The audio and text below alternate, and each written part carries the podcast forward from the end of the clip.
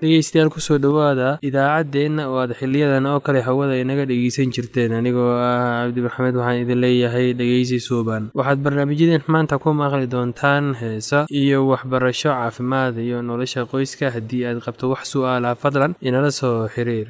Ciwaankeenna waa radio somaly at yahu com. Mar labaad ciwaankeenna waa radio somaly haddii aad qabto wax su'aalaha fadlan inala soo xiriir. ciwaankeenna waa radio somaly at yahu t com. mar labaad ciwaankeenna waa radio somaly at yahu dt com. Barnaamijyadeena maanta waa naga intaas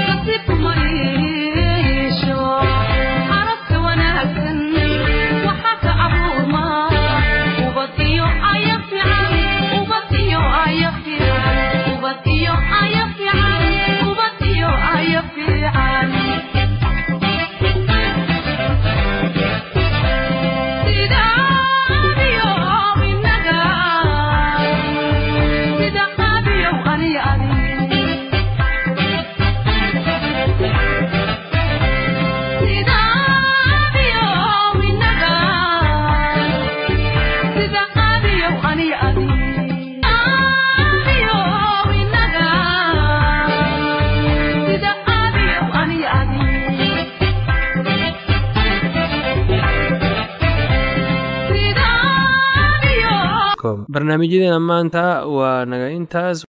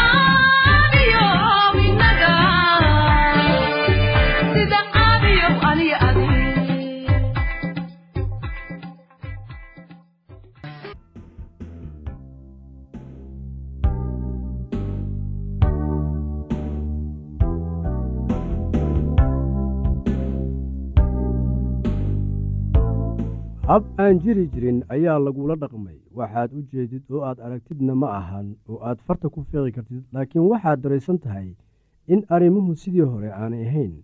Sidii hore uma deganaa ama uma xiise qabo.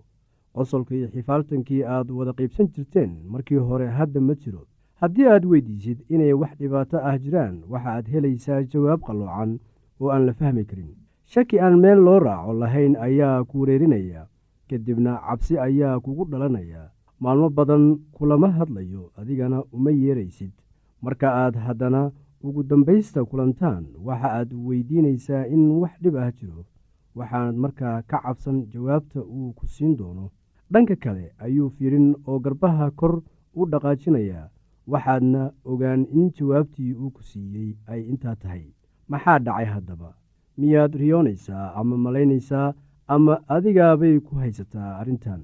Keliga ayaa meesha lagaga tegey oo haddeer waa inaad falkaagii dib ugu laabataa.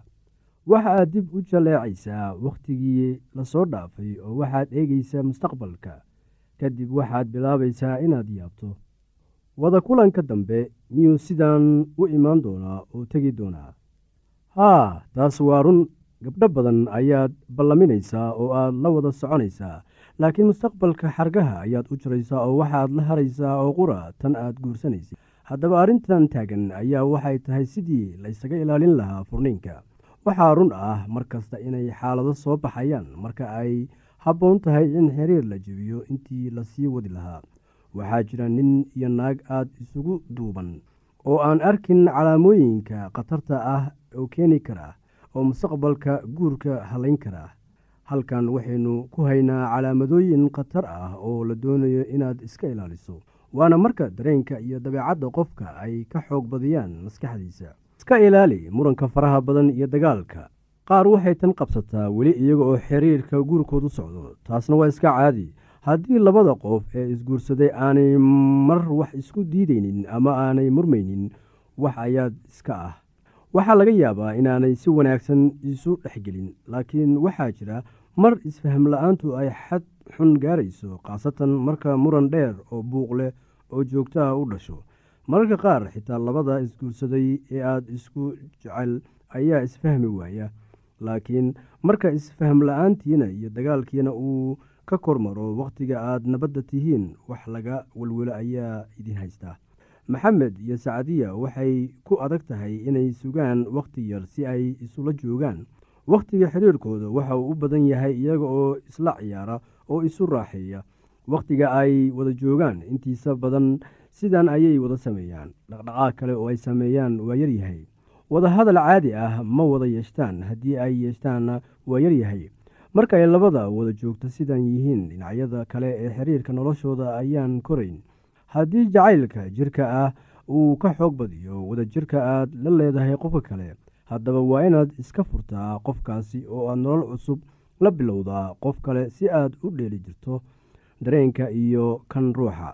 Marka labada qof ee isqaba ay ku kala nool yihiin laba meel oo kala fog laba waxyaalood waa in loo fiirsadaa inay ku kala tegi karaan da-da ay joogaan iyo dhulka u dhexeeya aawiisa iyo in kale haddii aad dhalinyar tahay oo saaxiibkii aad aadka u jecleed uu meel kale aadayo ma wanaagsana inaad isugu dhaarataan inaad weligiina kala tegaynin oo aanad qof kale ka dooran doonin.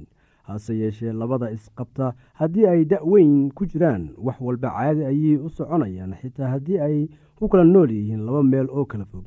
Khatarta kale ee la doonayo inaad iska eegtid ayaa waxay tahay dabeecadda xun ee isu timid. Marka ugu horreysa oo aad gabadha la xiriiraysid dabeecaddaada iyo teeda isu eeg. Mararka qaar dabeecadahan iyaga ah ayaa waxa ay iin kuu yeelayaan noloshiina waxaana idiin horseedi karaan wakhti xun. Haddii labada isjecel ee isku duuban oo si wanaagsan isula socda marka la isu keeno ay noqonayaan kuwo iimaan xun oo qaraar kuwaanoo kale ma ahan inay wada xiriirayaan si ay isu guursadaan mid kasta oo xiriirka jacaylka leh qof kale runtii waa inuu isweydiiya ama ay isweydiisaa marka aan saaxiibkayga aan jeclahay la joogo miyaan ka xumahay mise waan ka wanaagsanahay? Marka qaar waxaad arkaysaa inaabad isku gefaysaan goolalkii aad lahaydeen ama dhaqankaaga. Khatartan iyada ah waa midda la doonayo inaad ka sii foojignaato xusuuso golalkaaga iyo dhaqankaaga waa waxa aad adigu tahay iyo waxa aad ahaan doontid sanooyinka soo socda. Kala tegidda ama isfuridda waa arrin xunuun badan sababta iyada ahna weeye sababta aanay dadku u doonayn inay waxaas ka fikiraan taasoo u horkacday inaanay baran habkii loo xalin lahaa arrimaha noocan oo kale ah ee ku saabsan nolosha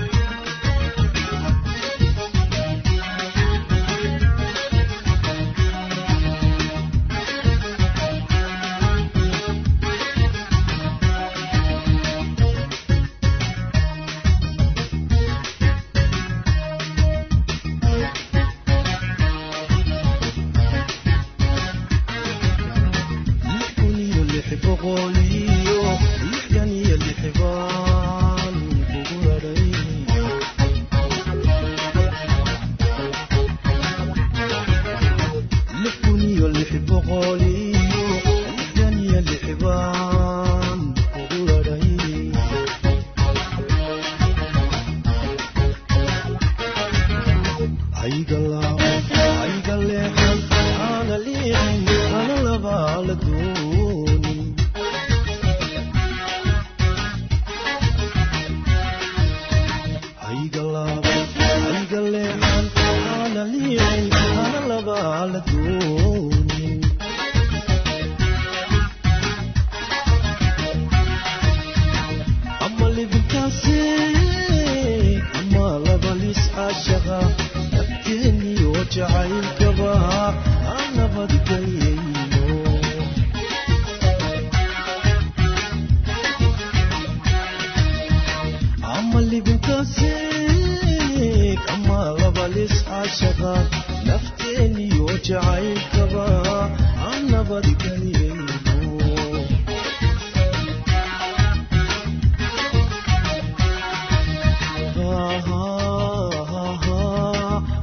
nabadgelyayni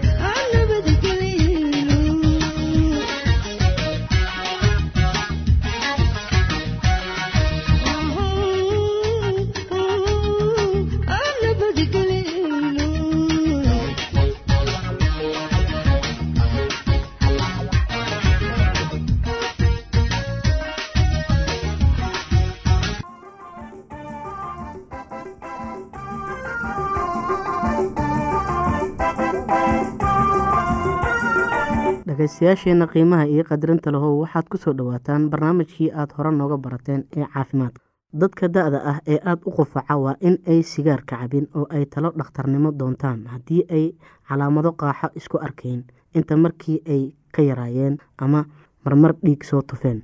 Waxaa laga yaabaa inay qaaxo qabaan. Haddii qofka da-da ahi uu qufac quro leh ku bilaabmo ama neefta dhibaato ku tahay xiiq oo cagihiisu bararaan. Waxaa laga yaabaa in dhibaato wadnaha uu qabo. Laabatooyinka xanuunka kulul. Dad badan oo da ah ayaa xanuun laabatooyin qaba si loo gargaaro. Masi laabad ku xanuunaysa. Kubays kulul saar qaado dawo xanuunka jebisa asbriin ayaa ugu wanaagsan. Xanuunka laabatooyinka ee xun qaado laba ama saddex kiniin oo asbriin ah tan iyo lix goor maalintii. La qaado caano ama biyo badan haddii dhagaha ku dawmaan yaree qiyaasta waxaa lagama maarmaan ah in dhaqdhaqaaqa la sameeyo gargaar si ay u yeeshaan laabatooyinka xanuunka kululahi socsocod ugu badan ee u suurogeli kara. Caafimaadka iyo cudurrada dadka da-da waaweyn qaybtani waxay inteeda badan ku saabsan tahay ka hortegidda iyo daweynta dhibaatooyinka sida qaalibka ah lagu arko dadka da-da ah. Dhibaatooyinka xagga aragtida. Wixii ka dambeeyey dad afartan jirka ah dad badan ayaa dhibaato kala kulma aragga. Wax u dhow araggooda ayaa fogaada. Sida qaalibka ah muraayado ayaa wax ka tara. Qof kasta oo afartan ka weyni waa inuu ogaadaa calaamadaha glocoma tan indhabeelka keeni karta. Haddii aan laga daaweyn qofka calaamadihii galokoma isku arkaa waa in gargaar dhakhtarnimo uu doontaa. Wiilka caadada karagtag iyo xidigaha indhaha horyaaca waa dhibaatooyin kale oo had iyo goor da-da la socda. Itaaldarada dadka da-da iyo cuntada dadka da-da sida la filayo way ka icdan iyo xoog yaraadaan sida ay ahaayeen marka ay yaraayeen. Hase ahaatee way iska itaal daraadaan sida hadda. Nahay sida wacani wuxuu cunin inay cunto jidhka dhista oo cudurrada ka ilaalisa cunno maalin walba. Dadka dhibaatooyinka wada hadli waa in aynu cunin cisbo badan. Waa in miisaankiisa oo ridaa hadduu aada u buuran yahay. Haddii qofka da-da ahi uu yeesho neefsashada dhib ah ama cagabararsan waa inuu milix isticmaalin. Waa inuu cunaa cuntada ay ku yartahay milixda. Inta noloshiisa ka hadhay waa in uu milix iyo cisbaba uu cunin. Haddii qofku uu leeyahay laab xanuun ama ku dhacay dhaawac wadnaha ahi waa in uu ka nastaa meel sanqadh yar. Inta uu xanuunka tegayo haddii xanuunka laabta aada uga weyn yahay oo uu nasashada ku tegi waayo ama qofka calaamadihii shoogga muujiyo waxay u dhowdahay inuu wadnahu aada u dhaawacan yahay. Qofka waa inuu jiifo muddo toddobaad ahi ama inta xanuunka ama shoogga markaa uu bilaabi karaa inuu qunyar socdo fadhiisto hase ahaatee waa inuu isdhowraa bil ama ka badan. Uu ku fikiro inuu gargaar dhakhtarnimo doonto hadal loo jeedinayo dadka da-da yar ee doonaya inay caafimaad qabaan markay gaboobaan. Dhibaatooyinka badan xagga caafimaadka ah ee ku dhaca dadka meel dhexaadka ahi iyo kuwa da-da ahi ay ka mid yihiin dhiigga cadaadintiisa sareyso cudurrada wadnaha xididada dhiigga qaada oo adkaada iyo dabeysha waxay ku yimaadaan sidii qofka uu u nool yahay iyo wixii uu cuni jiray u cabi jiray markii uu yaraa. Laga yaabaa in aayatiinka dambe inaad in badan caafimaad ku noolaato. Dhageystayaasheena qiimaha iyo qadarinta lahu halkaa waxaa noogu dhammaaday barnaamijkii caafimaadka. Waa shiina oo idin leh caafimaad wacan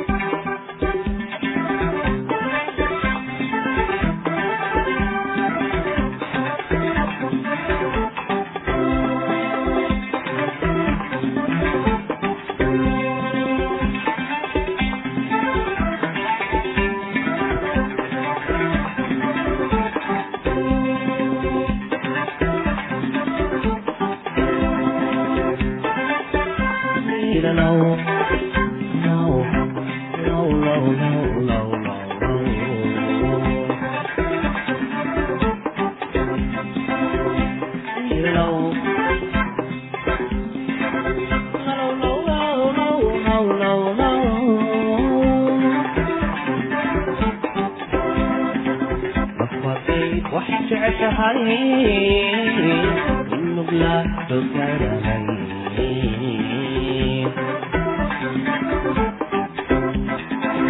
afartay wax jeceshahay inaad soo garanay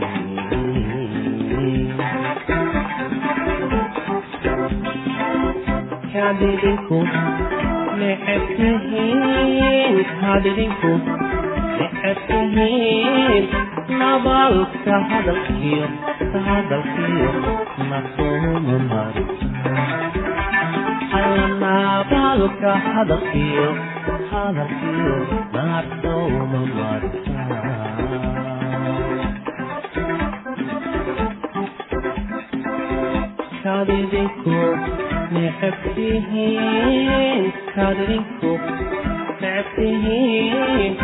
nabaalka hadalkiyo hadalkiyo nasuuma marisa nabaalka hadalkiyo hadalkiyo nasuuma marisa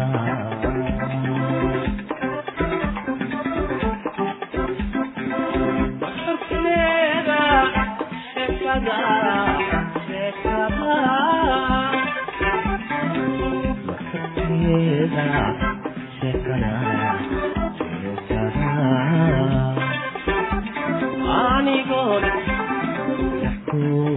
naxkuu qabin naxariis naxkuu hayn anigoon naxkuu qabin naxariis waxba kuu hayn naawilada weeneed naawilada weeneed dibhaygu soo noqon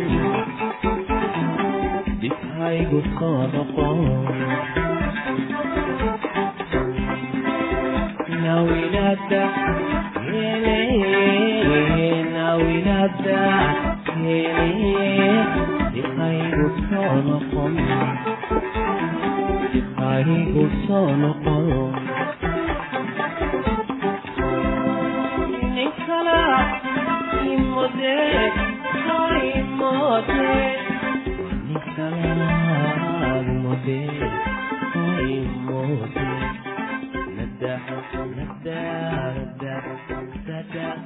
Let's go home, I'm